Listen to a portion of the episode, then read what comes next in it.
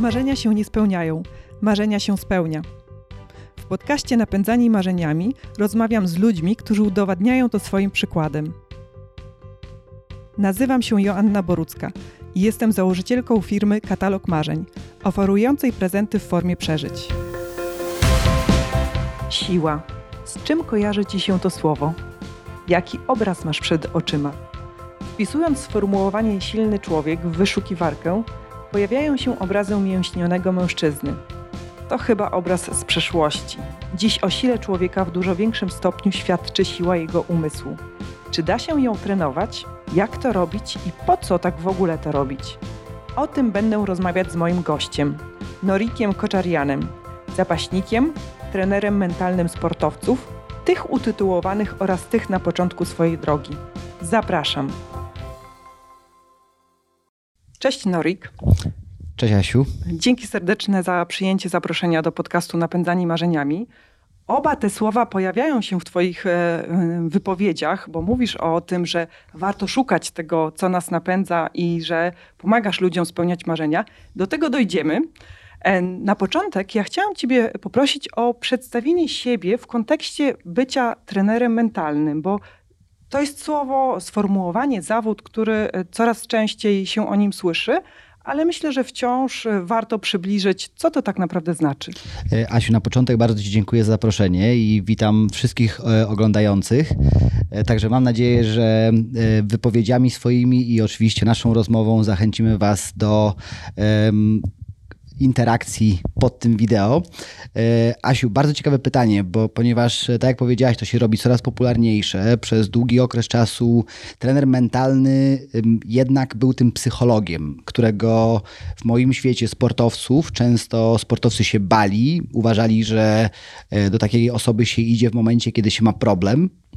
Dzisiaj to jest osoba, która jest częścią zespołu, jest jeszcze większa świadomość na temat tego, że fizycznie można dojść do jakiegoś pułapu, ale na tym najwyższym poziomie jednak ten um, wygrywa się lub, że tak powiem, przegrywa. To jest taka bardzo cienka kreska i to jest już głowa. Ponieważ e, fizyką wszyscy dorównują sobie na najwyższym poziomie i tak od wielu lat to, to jest coraz bardziej popularne, się tak robi i coraz częściej zespoły, nawet indywidualni sportowcy Y, zrzeszają więcej osób wokół siebie, którzy dbają o te przygotowanie i start. Mhm. E, na chwilę obecną to na tym się zatrzymajmy, jeśli chodzi o, o, taki wstęp i właśnie e, rolę trenera mentalnego. Ja mam tutaj wiele pytań e, pogłębiających, ale chciałabym teraz zapytać Ciebie, jak do tego doszło, że Ty zacząłeś, że stałeś się trenerem mentalnym? Przez większość swojego życia obserwowałem swojego tatę, który najpierw jako skoczek do wody, później jako trener skoku do wody. E, prowadził kadrę Polski przez ponad 30 lat i równolegle w wieku 8-9 lat ja zacząłem grać też w piłkę. Interesowałem się sportem. To, co było najfajniejsze w tym wszystkim, to nigdy nie byłem e, pchany do sportu. Ja chciałem iść do sportu, tato nigdy ani rodzice nie, nie narzucili na mnie presji, pomimo że te, z tego sportowego zaplecza. E, I któregoś dnia bardzo chciałem być żużlowcem gdzieś ta, ten sport cały czas krążył w moim życiu. Trafiłem na zapasy i ta, ta droga ucharakteryzowała mnie. I w którymś momencie jednak musiałem zrezygnować ze sportu i nie wiedziałem, co zrobić z tą wiedzą. Mhm. E, wyjechałem za granicę, mieszkałem w Irlandii Północnej, w Belfaście i w któregoś dnia trafiłem na mojego znajomego, który mi dał książkę. Myśli bogać się. Mhm. Powiedziałem, że nie chcę się uczyć, jak być bogatym, nie interesuje mnie to, nie chcę czytać książek. I on mówi, Norik, powiedziałeś mi kiedyś, że chcesz, yy, chcesz w jakiś sposób pozostawić coś po sobie w życiu i chcesz wykorzystać tą wiedzę sportową, którą masz, to zobacz, co tu jest e, zobacz, co w tej książce jest napisane. E, gdzieś to, się, gdzieś to mnie zainteresowało i tak naprawdę pierwszy zastrzyk tego aspektu mentalnego treningu pojawił się, jak pojechałem sam na szkolenie i budowaliśmy zespół. Jako najmłodszy na tym szkoleniu mnie wybrali, czułem się wtedy, ojejku, wybrali mnie po prostu, bo najmłodszy, ale się okazało, że poszedł feedback do trenera, który organizował to szkolenie, miał swoją akademię. To jeszcze było szkolenie, kiedy ty byłeś sportowcem? Tak, tak, tak. Mhm. tak. I to był 2009 rok. I tak naprawdę ja wróciłem bardzo szybko do sportu po dwóch latach tak przerwy, bo nie mogłem klubu znaleźć, ale y, na tym szkoleniu wszyscy powiedzieli temu men, mojemu mentorowi Stevenowi wtedy, powiedzieli, że bierz Norika do akademii. Mhm. I tak naprawdę to, to mi taką przyjemność zaczęło sprawiać na samym początku i już nigdy nie chciałem się zatrzymać. Mhm. Czyli ileś takich różnych rzeczy mm, sprawiło, że zasiała się w tobie, nie wiem, czy to jest dobre sformułowanie, ale tak jak opowiadałeś o, mm, o tacie, o swojej własnej chęci do sportu, o kontakcie, będąc sportowcem e, z, mm, z treningiem mentalnym, mhm. tak? Rozumiem, że to szkolenie, o którym opowiadałeś, to tak. miało taki charakter. Mhm. Mam, mam wrażenie, że y, też zrozumiałem, to, do tego się dojrzewa, że my tak naprawdę nie jesteśmy na tym świecie tylko, żeby po prostu przeżyć, mhm. E, ale żeby coś po sobie zostawić i żeby po prostu pokierować w jakiś sposób to kolejne pokolenie. Mhm. I w sporcie tak jak pewnie i w biznesie, i w każdym y, miejscu, w którym się otaczamy z różnymi ludźmi, potrzebujemy kogoś, kto nas nakieruje. I w sporcie to jest takie bardziej popularne, że sportowiec musi zostać trenerem sportowym. To nie do końca było to, co ja chciałem robić. Co, ja chciałem coś więcej. I w któregoś dnia powiedziałem zdanie, że byłem bardzo dobrym zapaśnikiem, ale będę tworzył najlepszych. Mhm. I tego się trzymam. To życzę Ci tego. Jeszcze będę też pytać, e, albo może nie wyprzedzajmy, o co mhm. Cię będę e, pytać za chwilkę. Czy, czy jako sportowiec, wspomniałeś o tym jednym szkoleniu, ale czy, czy właśnie korzystałeś w większym zakresie z treningu mentalnego? Czy już wtedy czułeś, że żeby wejść na ten wyższy poziom, to potrzebujesz pracować nie tylko ciałem, nad ciałem, ale, ale również właśnie nad głową.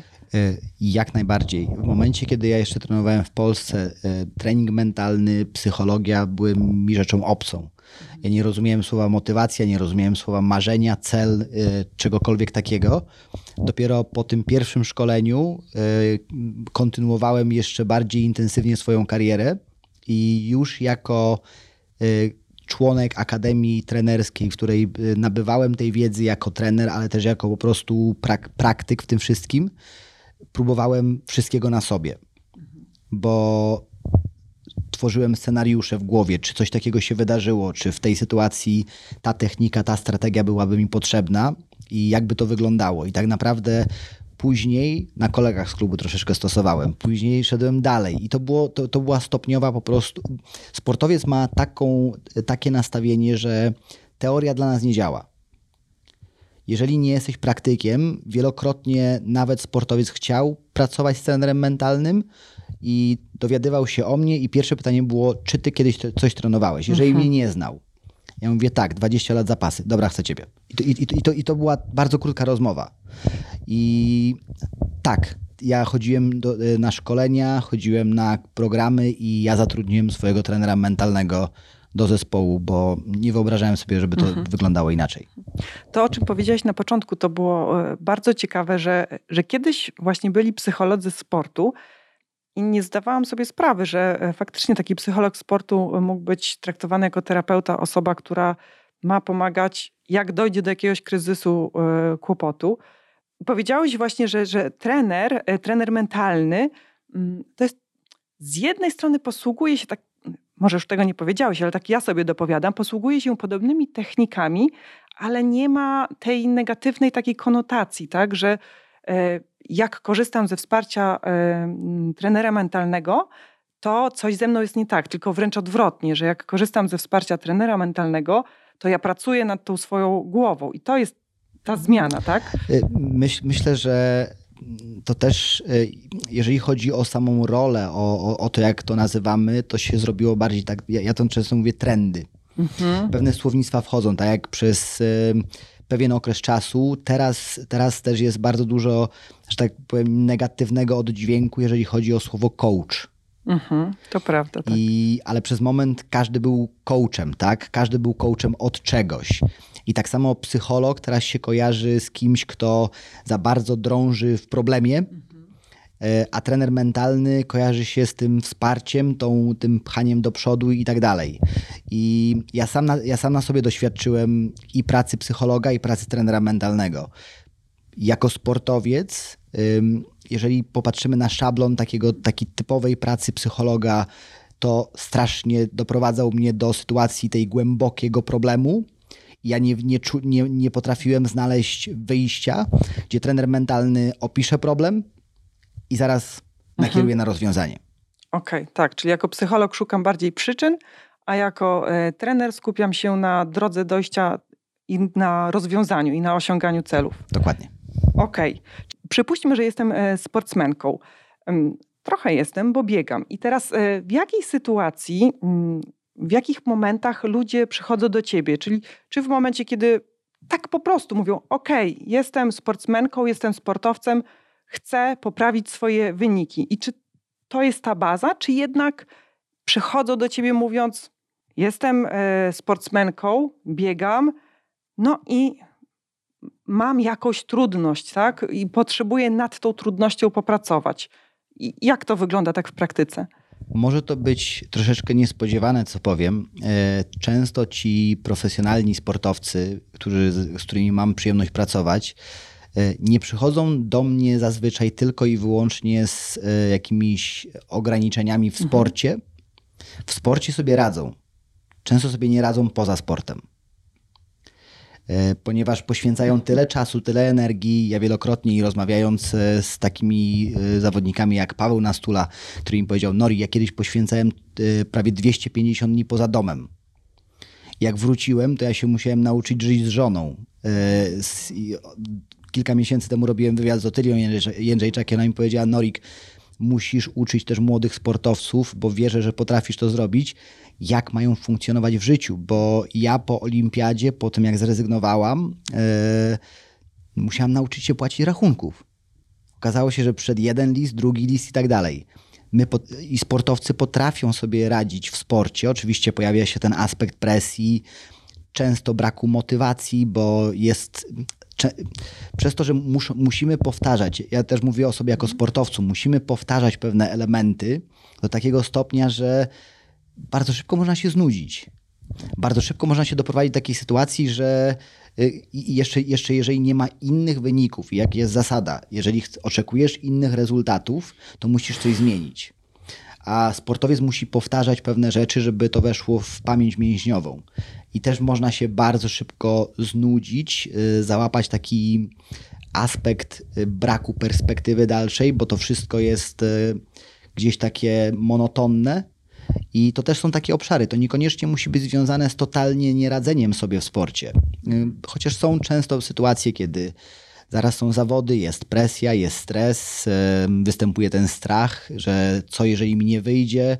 Y, ale dzisiaj tak naprawdę mówię, to, to, to za, często to jest szyb, bardzo szybko się zmienia. Raz jest świetnie i raz jest nie tak. Mhm.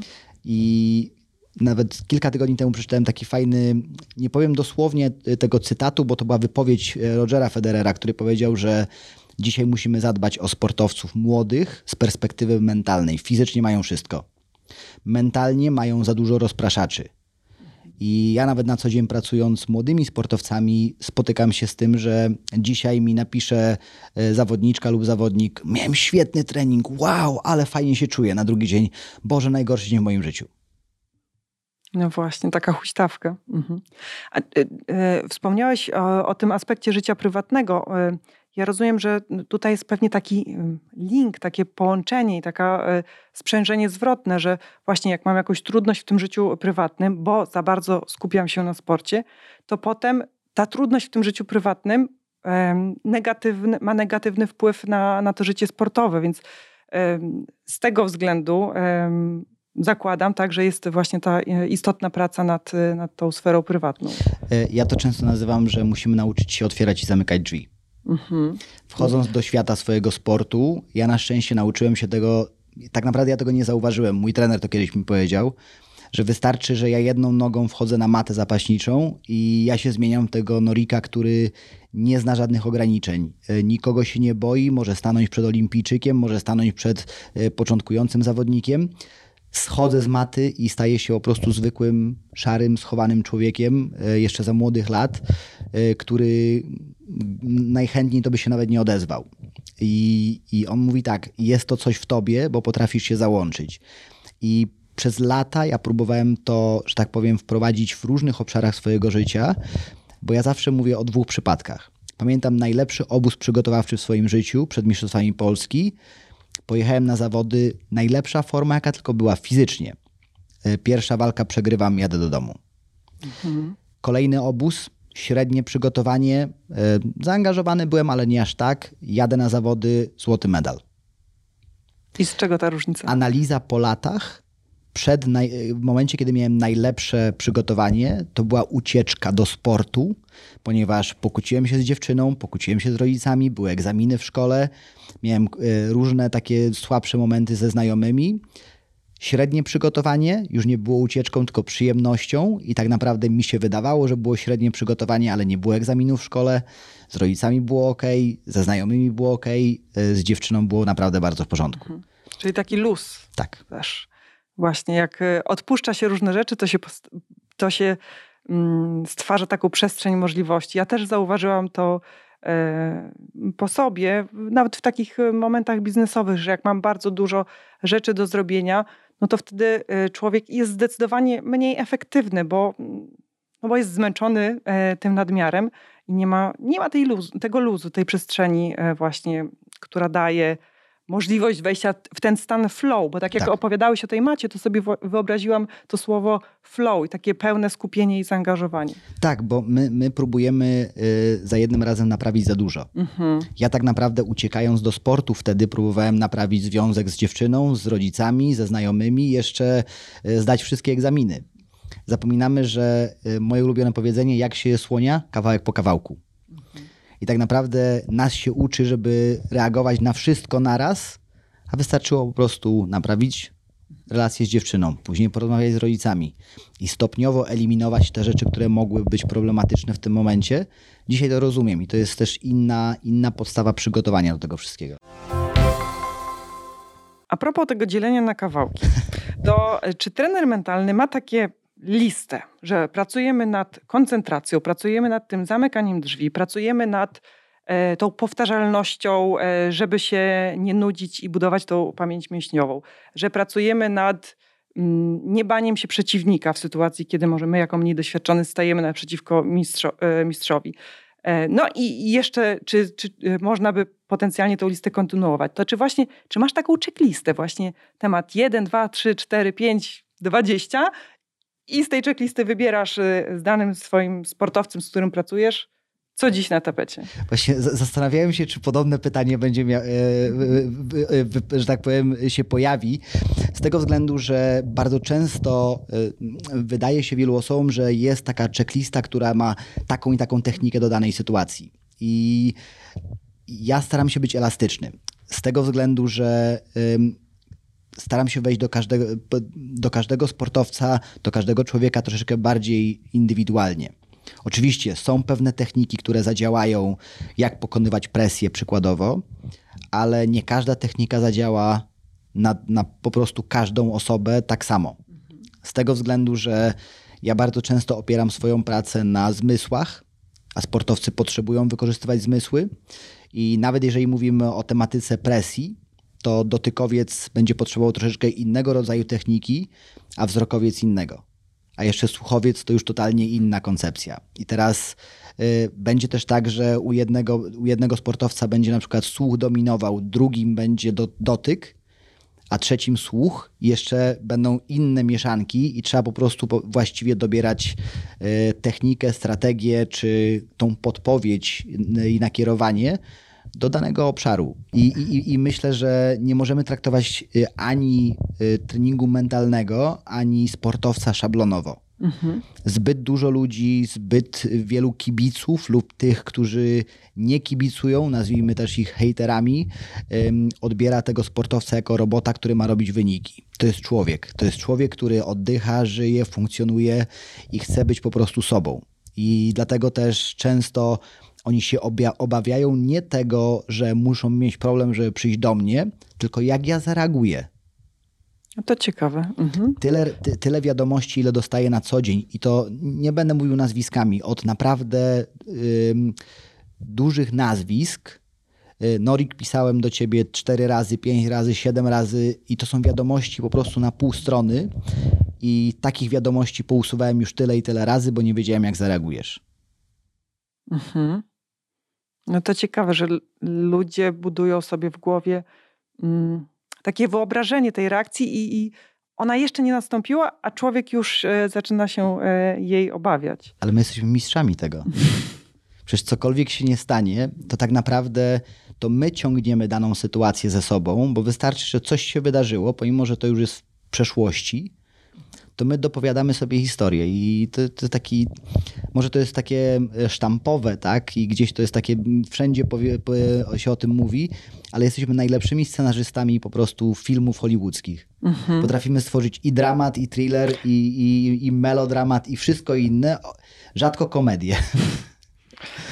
No y, tak, coś tam e, potrafię y, odwołać się do moich własnych doświadczeń, teraz jak opowiadasz. Czy o tym między innymi jest twoja najnowsza książka e, Siła, umysłów, Siła umysłu. Pięć kroków do pokonania strachu i odkrycia swojego wewnętrznego mistrza? W pewnym sensie tak. I tutaj wracamy do tego, co powiedziałem wcześniej. E, jest o strachu, e, jest o pokonywaniu strachu, ale bardzo mało czasu poświęciłem samemu strachowi. Chodzi tutaj o nakierowanie, jak sobie z nim radzić. I tak naprawdę początkową ideą tego wszystkiego było to, że e, ja nie chcę, żeby to była książka, która zostanie przeczytana i odłożona. Chcę, żeby to był taki podręcznik, takie go-to, żeby po prostu mogli sięgać do tego, kiedy tylko chcą. E, są ćwiczenia, są, są pewne, pewne podpowiedzi w tej książce, do których można wracać. I co ciekawe, pierwsza osoba, która mi napisała e, wiadomość, która przeczytała książkę, powiedziała, że Norik tej książki się nie odkłada. I ja już wtedy poczułem, że to jest, to jest dokładnie sposób, jakim kierowałem się swoją intencją. Dlaczego o to zapytałam? Bo e, właśnie jak rozmawialiśmy o tych wyobrażeniach, to i sięgnęłam w przeszłość też do swoich historii, to tak myślę, że te wyobrażenia właśnie często nas w kierunku tego strachu e, kierują i dlatego mm, ja jeszcze tej książki nie czytałam, ale mam w planie niedługo. Dlatego e, tak sobie dopowiadam, że właśnie ta siła umysłu zaczyna się, nie wiem czy to się zaczyna tak od pokonania tego lęku, ale na pewno uświadomienia sobie, e, że, że coś wywołuje w nas e, ten lęk. E, Asiu, mam, mam takie wrażenie od wielu lat i to też chyba jeszcze bardziej pomaga mi się z dystansowaniem do pewnych rzeczy e, i wierzę, że dystans jest bardzo potrzebny wielu osobom w życiu, w każdym obszarze, że my jesteśmy uczeni, żeby o wszystko walczyć. I w którymś momencie po prostu albo jesteśmy zrezygnowani, albo przemęczeni tą, no, tą walką non-stop. Walczymy o relacje, walczymy o siebie, walczymy o marzenia i tak dalej, i tak dalej. I tak naprawdę walka się nigdy nie kojarzy z czymś fajnym. I ja sobie powiedziałem kiedyś, że musi być jakiś powód, że pojawia się strach. Musi być jakiś powód, że pojawia się stres.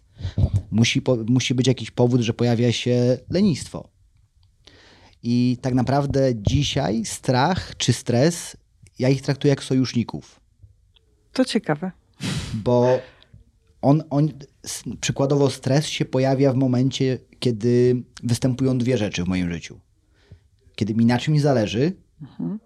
i tak naprawdę w czym pomaga mi stres? W tym zrozumieniu tego, że tak naprawdę na dany moment, kiedy się stresuję czymś, nie skupiam się na niczym innym. Nie interesują mnie rachunki, nie interesują mnie y, inne rzeczy, tylko ta dana sytuacja. Więc e, jeżeli przychodzi sportowiec i mi mówi, Norik, brakuje mi koncentracji, ja mówię, to zrób coś, co ci będzie stresować.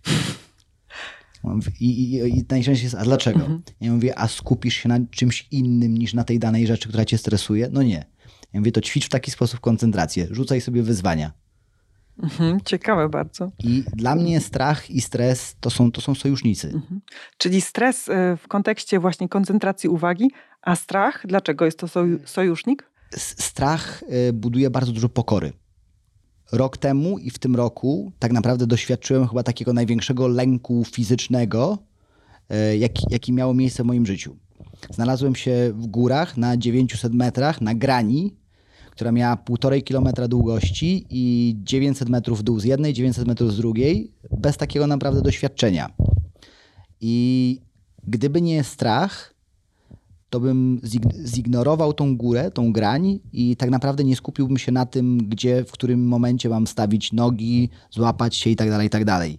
Przestałbym słuchać ludzi, którzy mi podpowiadali, a, a ten strach spowodował, że ja się zacząłem bardzo mocno y, angażować i uszanowałem tą, tą górę, miejsce, gdzie jestem i wydaje mi się, że wszędzie, gdzie w życiu moim pojawił się strach, podchodziłem w taki sam sposób. Mhm. Tak, sojusznicy, e, drogowskazy i mm, fajne spojrzenie, spojrzenie, że można coś, no, czego się obawiamy, czy ciężko powiedzieć, no, hmm, czy obawiamy się strachu. No, nie lubimy, może tak, nie lubimy strachu, nie lubimy stresu, a w sytuacji, kiedy e, przeprogramujemy myślenie, tak jak mówisz, Mm, żeby widzieć w nich sojuszników, to, to też z automatu chyba tak trochę i ten strach, i ten e, stres e, powinien odpuszczać. E, bardzo często zdarza się, i to nawet mówię, u początkującego sportowca, u bardzo młodego sportowca, u bardzo doświadczonego sportowca, że ja się pytam, ale czego się boisz? Nie wiem. Mhm. To jest troszeczkę jak, nie pracuję akurat w tym zakresie, to nie jest jakiś taki przedział, który mnie interesował kiedykolwiek, ale fobie Często fobia to jest e, podejście, takie nastawienie, nie zawsze nasze. Wystarczyło, że nie wiem, rodzic, znajomy, znajoma, ktokolwiek e, krzyknął widząc pająka. W wieku, którym my jeszcze nie mieliśmy tej świadomości, tylko emocje. I na bazie tego często my zaczynamy wierzyć w czyjeś własne emocje, myśli i, i w to, co druga osoba wierzy, i po jakimś czasie powtarzalności tego, to staje się nasza wiara. Naszą wiarą, przepraszam. Mhm. I tak samo jest ze strachem. Często ludzie nie wiedzą, czego się boją. A nie wiem, czy słyszałaś i nie wiem, czy y, zastanawiałaś się kiedyś, co jest, y, co jest głównym lękiem człowieka. Czego, czego najbardziej się ludzie boją? Nie wiem, jaka jest odpowiedź na to pytanie. Y, najczęściej odpowiada się, że albo strach przed przegraną, śmiercią, kontuzją, chorobą. Y, tak naprawdę, i to jest wszechstronnie gdzieś tam zauważone, że najczęściej boimy się sukcesu. Nie wpadłabym na to. to... Tracimy mhm. tak naprawdę wszystkie swoje wymówki.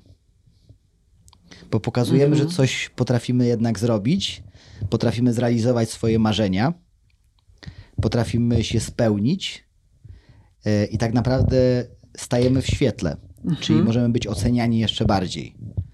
I może też, e, dopowiadam sobie znowu, jak już osiągniemy ten sukces, to tracimy ten cel, no bo już osiągnęliśmy, tak? I może to też jest taki dodatkowy element. Często to, często to jest związane z, też z wieloma, y, może inaczej, jest to związane z różnymi sytuacjami. Albo ten cel jest za mały, y, czy za łatwy też i tak naprawdę on był tylko takim celem, żeby spróbować coś zrobić.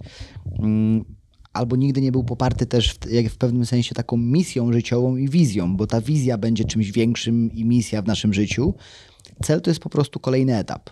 Mhm. I Y, fajnie, że nawet o tym wspomniałaś, bo robiąc wywiady kilka lat temu, jak zacząłem i tak naprawdę dalej kontynuując, często zadaję takim czołowym sportowcom w różnych y, dyscyplinach jedno bardzo podobne pytanie zawsze. Czyli co jest gorsze, przegrana czy doprowadzenie się do sytuacji co dalej? Takiego pytania co dalej każdy z nich, czy to jest mistrz świata na żużlu, czy to jest e, mistrz świata w siatkówce, e, czy e, Otylia w pływaniu, czy, czy, czy Paweł Nastula, czy i Krzysztof Ignaczak, wszyscy powiedzieli, że przegrana to jest tylko tu i teraz. Mhm. Kiedy doprowadzimy się do pytania, co dalej, to tak naprawdę możemy zrezygnować z kariery swojej już. Ale co dalej po osiągnięciu tego Danego sukcesu, celu, tak? tak? I mhm. Krzysiek na przykład Ignaczak w pewnym sensie sformułował to, że on po Mistrzostwie Świata kończył karierę, bo już nie wiedział, co dalej ma zrobić w sporcie. Czyli tu pomaga ta misja, ta misja długoterminowa. Tak. Mhm.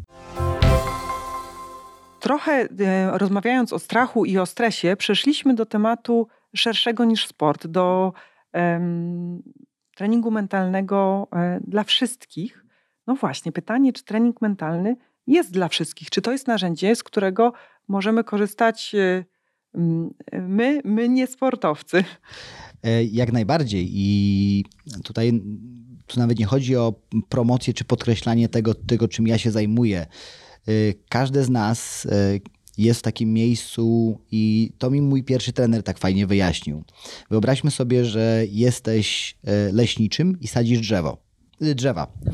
I w pewnym momencie zasadziłeś, czy zasadziło się drzewa wokół jakiegoś po prostu kwadratu i w środku tego lasu stoisz i kręcisz się dookoła i widzisz drzewa.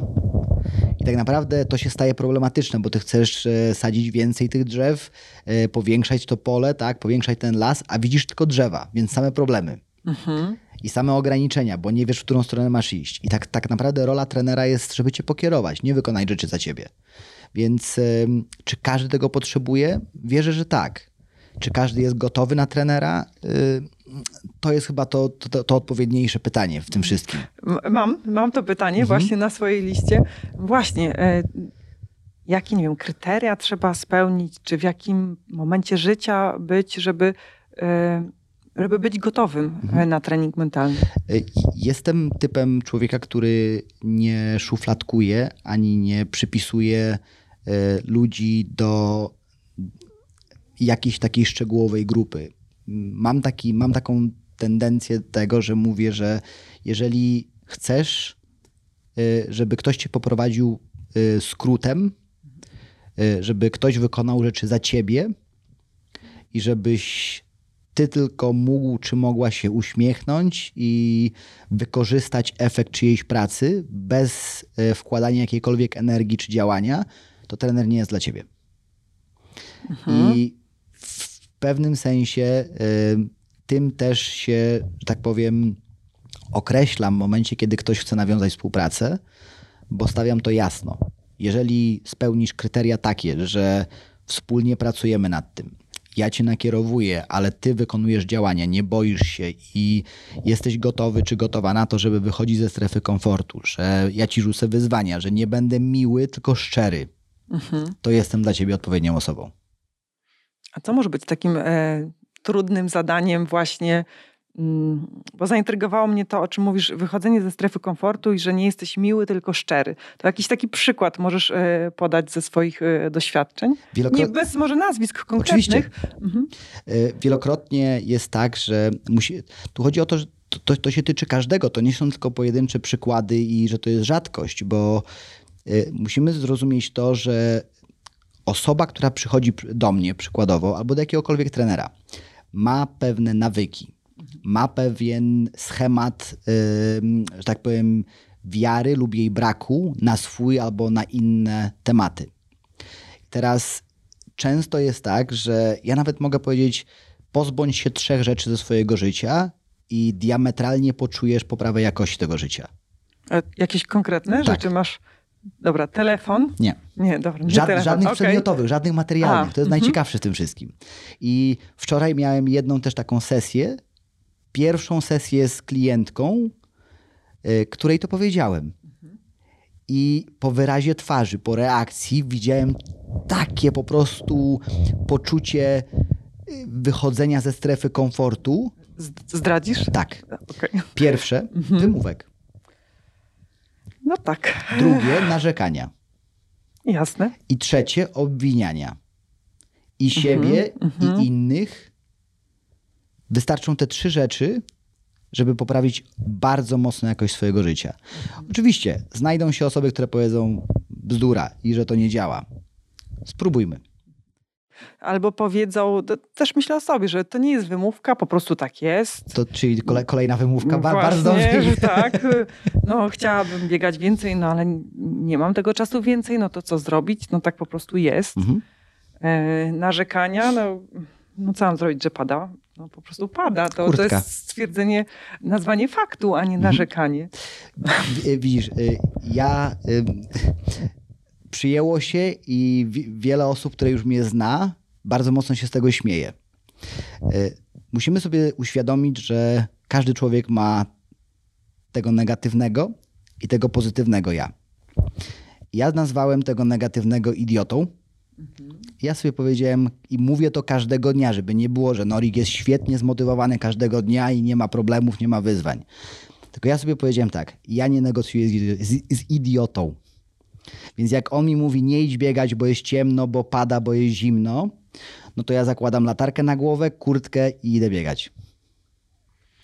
Okej, okay, wczoraj miałam w planie iść pobiegać, nie poszłam. Nie powiem, jak się teraz czuję, ale um, nadrobię. Nadrobię.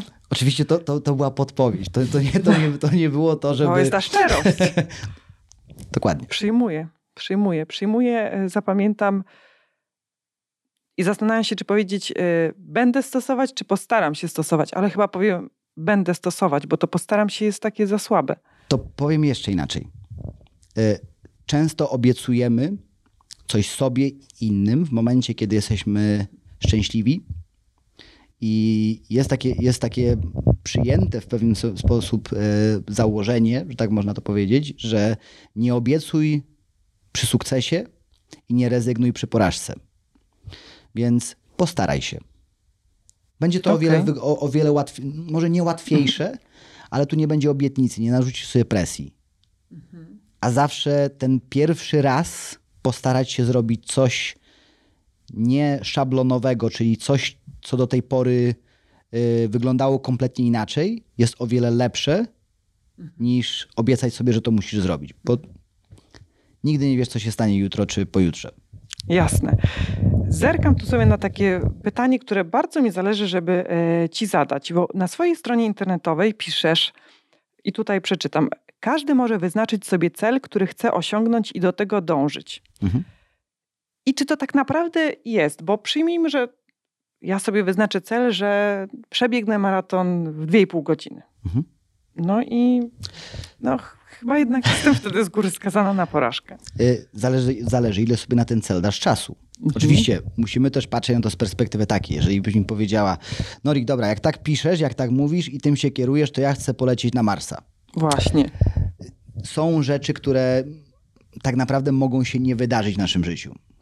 Ale z drugiej strony, y, ja wychodzę z założenia, że jeżeli tak naprawdę czegoś chcemy y, i tu, gdzie jestem ja teraz, czy to jest to miejsce, w którym ja chciałem być, podejrzewam, że bym chciał w jeszcze innym miejscu być.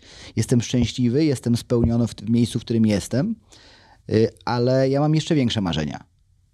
I tak naprawdę pytanie twoje, czy przebiegnę maraton poniżej tam dwóch mhm. godzin, dwóch i pół godzin, to trzeba też patrzeć z perspektywy, jaki jest aktualny najlepszy czas maratonu na przykład. Mhm. No, przyznam, że nie wiem, ale pewnie poniżej dwóch godzin, więc tak. wy wykonalny dla człowieka to jest czas na pewno, no, ale dla mnie w sytuacji, kiedy y, nigdy maratonu nie przebiegłam, przebiegłam półmaraton, więc to nie jest też takie mm, no zupełnie, nie wiem, mm, z kosmosu, tak? To mhm. nie jest właśnie ten cel e, związany z podróżą na Marsa, ale dwie godziny 30 minut.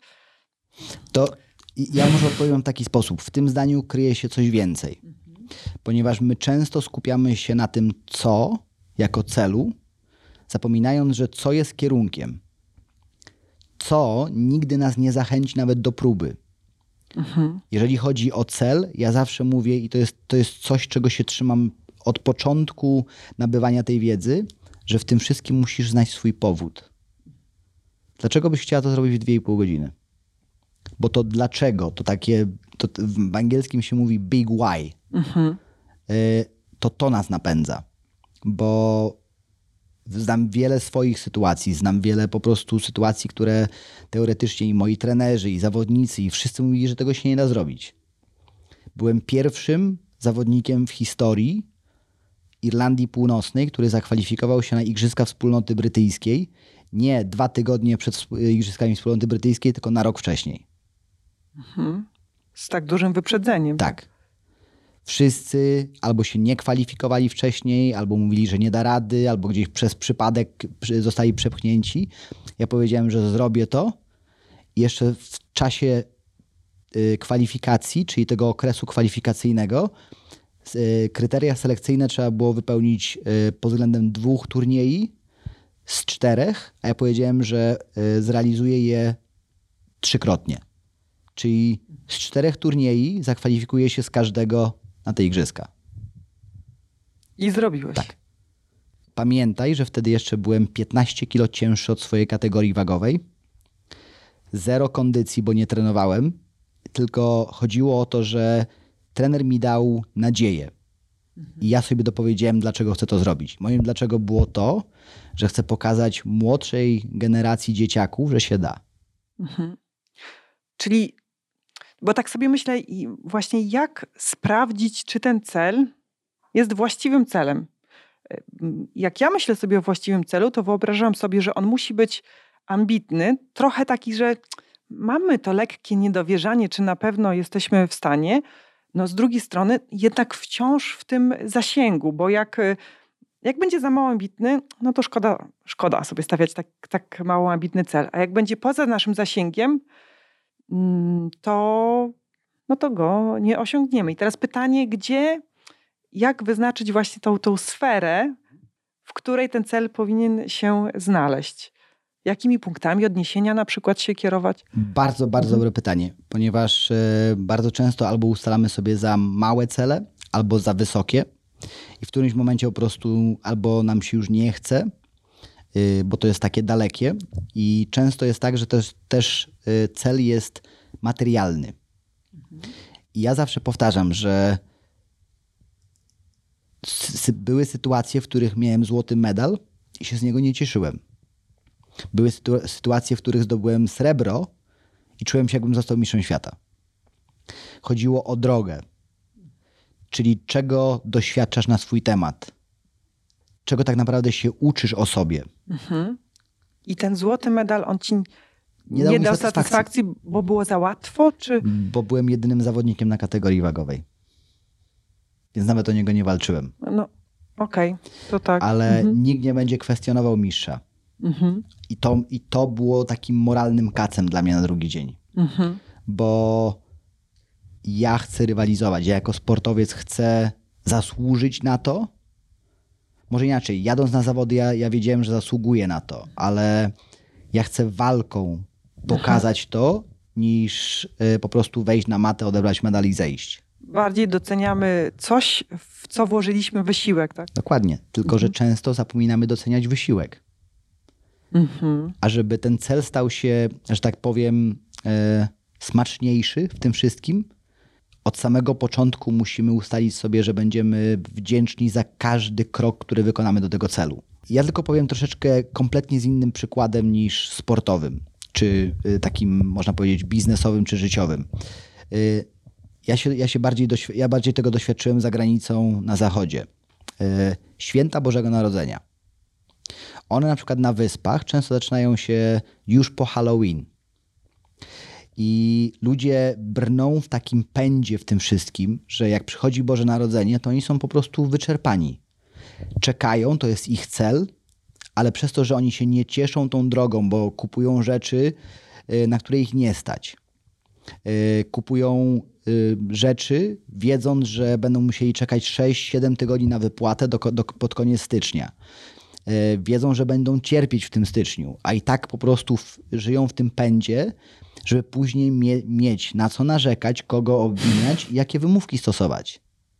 I dlatego mówię, że e, tutaj nie zawsze chodzi o sam cel. Każdy cel jest do zrealizowania. Tak naprawdę, gdyby nie kogoś wyobraźnia, bo musimy bazować na wyobraźni, to byśmy siedzieli na polu, pewnie nadzy, nie mielibyśmy mikrofonów i do czego po prostu rozmawiać i na czym nagrywać. Tylko to jest nasza wyobraźnia. Czy to jest spójne, czy to, to cię przeraża, bo, ciebie, bo cel macie przerazić, ale też macie ekscytować.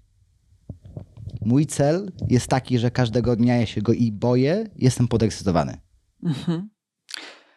I to jest myślę, że taki dobry papierek lakmusowy, bo jak sobie myślę o tych y, dwóch godzinach trzydzieści, to mi wcale na tym nie zależy, żeby y, osiągnąć taki y, cel. Mi, akurat w moim przypadku, to nawet nie wiem, czy mi zależy na tym, żeby przebiec maraton, ale na pewno wiem, że mi zależy na tym, żeby w ciągu roku przebiec tysiąc kilometrów. I tutaj to faktycznie to jest taki cel, który ja mam 100% pewności, że on jest w moim zasięgu, ale też mam 100% pewności, że to nie jest, że to samo się nie zrobi i że ja muszę włożyć dużo wysiłku, żeby taki cel zrealizować. Mm, tak. Tylko, tylko pod, taka podpowiedź, mhm. warto nie patrzeć na to z perspektywy, jakie to jest trudne, jakie to będzie ciężkie, bo za każdym razem, kiedy będziesz stawać w sytuacji, kiedy będziesz zmęczona, będziesz na przykład miała gorszy dzień, takie też się Mhm. zdarzają każdemu, wybierzesz tą opcję kanapa, telewizor, przykładowo, tak? Oczywiście nie, znowu nie sztampuję, czy, czy nawet książka może dobra. I ja zawsze patrzę tak, z, z takiej perspektywy. Ja przez większość swojego życia bardzo nie lubiłem biegać. I teraz sobie wyobraź Norika, który ma biec o 5 rano w deszczu, angielska pogoda październikowa, w deszczu, w, w zimnie i ciemno. No jak nie lubiłeś, to nie biegniesz. Biegnę, biegnę w dalszym ciągu, z tego względu, że ja patrzyłem na to z perspektywy, jaką ja będę miał korzyść z robienia czegoś, co dzisiaj jest nieprzyjemne, ale to jest nieprzyjemne tylko dlatego, że ja zbudowałem taki nawyk, więc jeżeli to jest nawyk, to ja muszę zmienić ten nawyk, bo nawyki jesteśmy w stanie zmienić. Tylko ja zawsze patrzę z perspektywy, jaka jest korzyść w tym, co ja zaraz zrobię dla mnie, ale też, jest, że nie jestem w pełni samolubem też dla innych. No a jak sobie poradzić z tym, że ta korzyść będzie, tylko że ona będzie za rok? To tak długo mam czekać, tyle muszę biegać, żeby nie, za rok. dzisiaj też jest jakaś korzyść. Co to będzie taka, tą korzyścią dla ciebie? No, dla mnie taką e, korzyścią jest taka satysfakcja, że pomimo tego, że no właśnie e, padało, wiało, było zimno, no to jednak się zebrałam w sobie i wyszłam. Asiu, zadam ci pytanie. Jak często odczuwasz w pełni satysfakcję? Zacznę notować, żeby precyzyjniej odpowiedzieć. Więc, no, ale, więc mhm. jeżeli masz okazję Mhm. wyjść ze strefy komfortu i udowodnić sobie, że nic cię nie powstrzymało, to tak naprawdę odczujesz taką pełną satysfakcję w tym wszystkim. Prawdą jest, że mm, jak jest super słoneczko e, i pójdę pobiegać, no to przychodzę, było fajnie. A jak jest ta pogoda gorsza i wiem, że mi się strasznie nie chciało, ale ja poszłam i wracam, no to wtedy jest potrójnie fajnie. To już sama sobie odpowiedziałaś teraz. No właśnie, czasem tak e, warto zdać sobie sprawę i usłyszeć, jak, e, jak ktoś inny, tak jak ty, tak e, Mhm. potwierdzasz, że, że to. Lecz może potwierdzasz, to nie jest najlepsze sformułowanie, ale takim trochę lustrem byłeś w, w tym fragmencie rozmowy, że ja usłyszałam od ciebie, że to, co robię, ma sens. Tak? Lubimy utwierdzać się w fakcie bardzo często. Mhm. I tego potrzebujemy. Wrócę troszeczkę do tego, y, jak zapytałaś mnie o to, czy każdy powinien mieć trenera. To jest w pewnym sensie przykład, na, y, która odpowiada, że tak. Mhm. Bo my sobie, my, my bardzo dużo rzeczy wiemy, y, ale często chcemy usłyszeć od kogoś, kto może wiedzieć troszeczkę albo więcej, albo coś bardzo podobnego, żeby utwierdzić się w fakcie. I często właśnie ten trener jest tym lustrem, tak jak to nazwałaś bardzo fajnie. Mhm. Zbliżając się do końca naszej rozmowy, mam jeszcze takie dwa pytania. Mm, Po pierwsze, to chciałam się zapytać y, ciebie, co byś poradził osobom, które mm, no, są młode, nie mają też funduszy, żeby korzystać ze wsparcia trenera mentalnego, a mają taką potrzebę, żeby popracować nad tą swoją głową i, i nad tym, w jaki sposób stawiają i sobie cele i, i dążą ku nim. To, to jaką właśnie radę mógłbyś im dać, żeby mm, byli w stanie bez pracy z takiej bezpośredniej jeden na jeden z trenerem mentalnym, żeby mogli iść do przodu? E, Wow, E, powiem szczerze, że jak usłyszałem młodym, takim początkującym, zastanawiałem się, czy to nie będzie szło w kierunku, e, jak mają sobie Mhm. poradzić z trudnościami i tak dalej, ale nie, to, to, nawet nie mówię też o sportowcach, Mhm. tylko Ale to jest bardzo fajne pytanie, ponieważ dzisiaj jest bardzo dużo wiedzy darmowej. Wszędzie jesteśmy w stanie natrafić na czyjeś live'y. Ja prowadzę Mhm. live'y co dwa tygodnie na swoim e, profilu, e, czy to na Instagramie, czy na Facebooku właśnie. Są, są takie kanały jak wasz też, e, gdzie można posłuchać inspirujących e, wypowiedzi też waszych gości, ale też e, z tego, co już rozmawialiśmy, macie fajne po, pomysły na przyszłość, także myślę, że też będę bardzo często oglądał, żeby zaczerpnąć historii drugiego człowieka, ponieważ dla mnie w moim życiu największy wpływ miała właśnie nie tylko i wyłącznie taka czysta wiedza, e, którą, za którą zapłaciłem. Oczywiście to było bardzo istotne, bo wtedy inwestując w siebie doceniasz to bardziej, e, ale słuchając historii drugiego człowieka. I tak naprawdę Dwa miesiące temu, jak prowadziłem szkolenie właśnie na obozie u Otyli Jędrzejczak, powiedziałem dzieciakom, które miały od 9 do 15 lat, po prostu był chaos na sali w pewnym momencie i po kilku takich uwagach powiedziałem, słuchajcie, chcecie być mistrzami? Wszyscy się krzykli, tak! A ja mówię, to nauczcie się dwóch rzeczy. Słuchać i jeszcze intensywniej słuchać. I tak naprawdę y, to, co bym powiedział, to jest, to jest to, że dzisiejsza młodzież, ja widzę to też po sobie. W momencie, kiedy zdecydowałem się świadomie odłożyć telefon, w momencie, kiedy wstaję, kiedy my wstajemy już przy budziku, na telefonie, pierwszą rzeczą, którą robimy, wchodzimy do czyjegoś innego świata, na Facebooku, na Instagramie czy gdziekolwiek indziej, a nie przygotowujemy siebie do dnia. Więc e, bardzo prosta technika. Odłóż telefon co najmniej przez 45 minut do godziny czasu po wstaniu i stwórz sobie pewnego rodzaju taką rutynę. Może nie taką nudną rutynę, bo, bo często mhm. ona tak brzmi, ale ja zaczynam od wypisywania sobie wdzięczności. Ja, jak mam chwilę też czasu na to, bo też bardzo dużo podróżuję, bardzo często prowadzę sesje wcześniej rano, to zrobię sobie taką 5-10 minutową medytację. Wypiszę sobie plany na cały dzień i dopiero wtedy dopiero podniosę telefon, żeby zaglądnąć, czy jest jakiś mhm. mail, czy jest, jakiś, e, czy jest jakaś wiadomość. I fajnie ostatnio powiedział jeden z trenerów e, drużyny, z którą współpracuję, powiedział Norik, powiedziałeś to ostatnio naszym dzieciakom i ja to zacząłem stosować i czuję o wiele większą energię. Bo my mamy tendencję do tego, że my zaczynamy swój dzień od czyjegoś życia, nie od swojego. I od rozpraszaczy zamiast od skupieniu na tym, jaki my chcemy, żeby ten dzień był. Tak. Jest taka bardzo prosta zasada. E, co jest najważniejsze e, w tym, żeby sportowiec na przykład wystąpił na zawodach? Jego przygotowanie. A my zapominamy, że ten dzień można potraktować jak zawody. A jak się nie przygotujemy do tego dnia? I wracając tak, tak jeszcze dokładnie do Twojego pytania, przygotuj się do dnia i przygotuj się do spania. I bardzo, bardzo prosta podpowiedź. Wypisz sobie wszystkie sukcesy z tego dnia albo wszystkie doświadczenia. Albo to i to. Bo Asiu, czy tobie zdarzyło się kiedyś wstać jeszcze bardziej zmęczoną niż jak kładłaś się spać? Oj, tak. E, zdarzyło mi się bardzo tak e, nie chcieć wstać, nawet dlatego, że, że czułam się bardziej zmęczona. A to często dlatego, że nie domknęłaś poprzedniego dnia.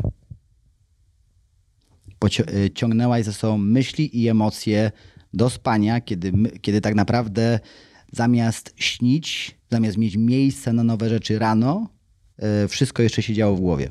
To jest temat na, myślę, że kolejną rozmowę. Ja bym bardzo go zgłębiła, bo ja mam taki zegarek, ja nie wiem, czy on dobrze działa, czy nie, ale on pokazuje mi e, naładowanie baterii, mojej mhm. baterii. I e, czasem jest tak, że po nocy budzę się i mam 100% właśnie tej swojej baterii, a czasem, i przyznam, że tak było dziś rano, on mi pokazywał 37%.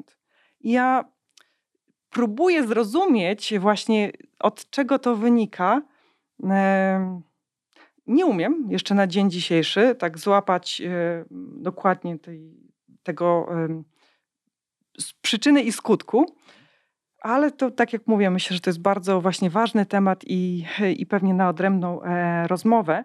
Wracając do tego pytania o to, jak młodzi ludzie mogą, czy skąd mogą czerpać wiedzę na temat tego, jak pracować nad swoją głową, to czy przypadkiem Twoja książka nie jest również e, pomocnym narzędziem?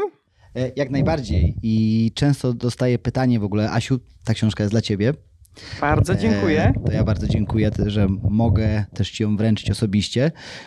Bardzo często dostaję pytanie, w jakim stylu jest napisana ta książka, czy ona trafi do młodszej grupy odbiorców, czy to jest już bardziej dla dojrzałego człowieka. Ja jako sportowiec kieruję się prostotą i chciałem przekazać te informacje, tą wiedzę w bardzo prosty, y, przejrzysty sposób, żeby każdy odbiorca, ostatnio nawet na swoim wieczorze autorskim miałem siedmioletnią dziewczynkę, akrobat, gimnastyczkę, przepraszam, y, która była zachwycona po prostu, że może przeczytać książkę y, jako jedną, z, będzie jej ulubioną książką.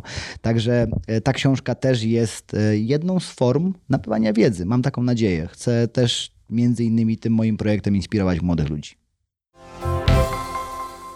A tak kończąc zupełnie, to mam pytanie do ciebie o, o twoje marzenia. Bo tak jak, to jest taka klamra. Na początku właśnie mówiłam, że w, przygotowując się do rozmowy z tobą, e, Wiele razy w różnych innych rozmowach słyszałam, jak mówisz, e, jak wypowiadasz to słowo odmieniane przez e, różne przypadki.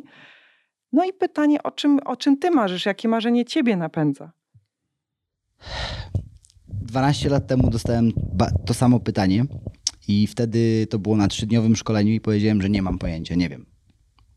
Na drugi dzień szedłem na śniadanie i ten sam e, prelegent, ten sam e, trener, który prowadził to szkolenie, przysiadł się do mnie i mówi: Norik, miałeś noc. Był bardzo intensywny dzień, dzień wcześniej. E, zadałem ci pytanie bardzo wcześnie, w, w dzień poprzedni. Czy miałeś okazję pomyśleć? Ja mówię: tak. Że pierwsze takie moje marzenie było, żeby zostawić coś po sobie. W ogóle w to nie wierzyłem. To, to, to mnie przerażało. Nie miałem pojęcia jak, i to jest też bardzo istotne, żeby nie skupiać się na tym, jak to zrobimy, tylko po prostu wierzyć, że to jest coś, czym się chcemy kierować. Dzisiaj to marzenie się nie zmieniło. I tak naprawdę każdego dnia wstaję z jedną myślą, że dzisiaj chcę zainspirować jedną osobę. A takie największe marzenie to to, żeby wiedza rozwój osobisty, trening mentalny był w każdej szkole na świecie. Ja Ci bardzo kibicuję w tym marzeniu. Myślę, że ten dzisiejszy dzień e, jest takim spełnieniem tego marzenia, bo mogę Ci zagwarantować, że to będzie nie jedna, a dużo, dużo więcej osób, które e, nas e, wysłuchają i zobaczą i mam wielką nadzieję, że poczują się zainspirowane. Ja jestem, także ten cel już Ci mogę powiedzieć, że dzisiejszy osiągnąłeś. Bardzo Ci dziękuję za rozmowę. Asiu, to ja bardzo dziękuję za zaproszenie i za możliwość zrealizowania właśnie tego marzenia każdego dnia. Między innymi dzisiaj. I dziękuję Wam za to, że y, słuchacie. I tak jak powiedziałem, że jeżeli możecie, wspierajcie ten kanał, wspierajcie ten projekt i komentujcie, zadawajcie nam pytania. I Asia pewnie mi przekaże, jeżeli będą jakieś pytania bezpośrednio do mnie. Dziękuję bardzo. Dzięki.